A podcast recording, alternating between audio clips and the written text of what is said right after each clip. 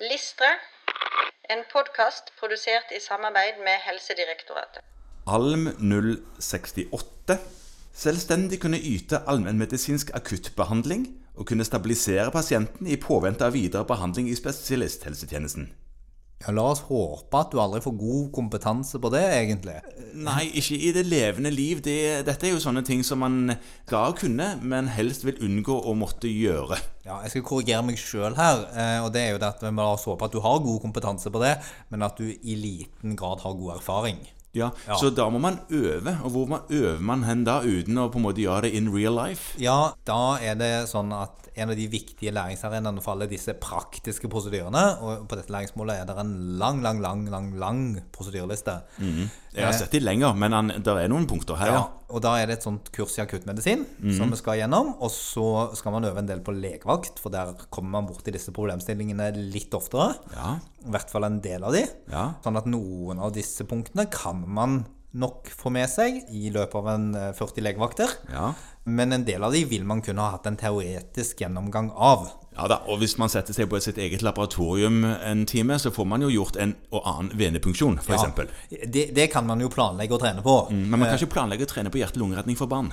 Eller voksne, for den saks skyld. Eh, Nei, man kan planlegge å trene på det, men kanskje ikke da på, på ekte pasienter. Ja, Eller i det hele tatt eh, at anledningen byr seg, hvis Ja. det var ekte du skulle ut på. Nei. Så selv om det her står at du skal ha hatt minimum én, så er det noen ting med at du skal på en måte ha, ha vært gjennom det. I hvert fall teoretisk, og helst litt sånn praktisk eh, øving. Ja. Og det får man hvis man tar et akuttmedisinkurs. Ja da, ja da.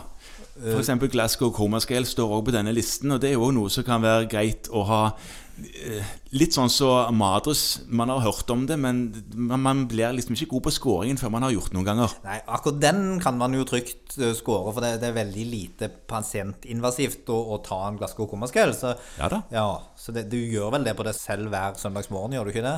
Eh, hver ukedag, egentlig. Eh, ja, nei, men eh, det er der går an å øve på. Sånn at eh, noen av dette er enklere. Def, bruk av defibrillator derimot, det skal man jo være forsiktig med hvis det ikke er streng medisinsk Ikke indikasjon. hver ukedag, iallfall. Nei. Nei. Sånn at man skal ha et pragmatisk, men godt forhold til denne prosedyrelisten. Fordi den sier noen ting om hvilken kompetanse som faktisk forventes av deg. Når du da står der som spesialist i allmennmedisin på et skadested, Ja. og eh, ingen tror jo at du som relativt fersk eller sjelden vaktkjørende lege har dette til fingerspissene. Men du skal faktisk ha en grunnkompetanse på det som gjør at du, som læringsmålet sier, selvstendig skal kunne yte akuttmedisinsk akuttbehandling. Derfor står det òg helseradio på denne listen over prosedyrer, fordi at du skal være den som tar styringen på skadestedet hvis du er ute. Altså være helsesjefen, på en måte, i kommunehelsetjenesten, i primærhelsetjenesten. Absolutt. Ja.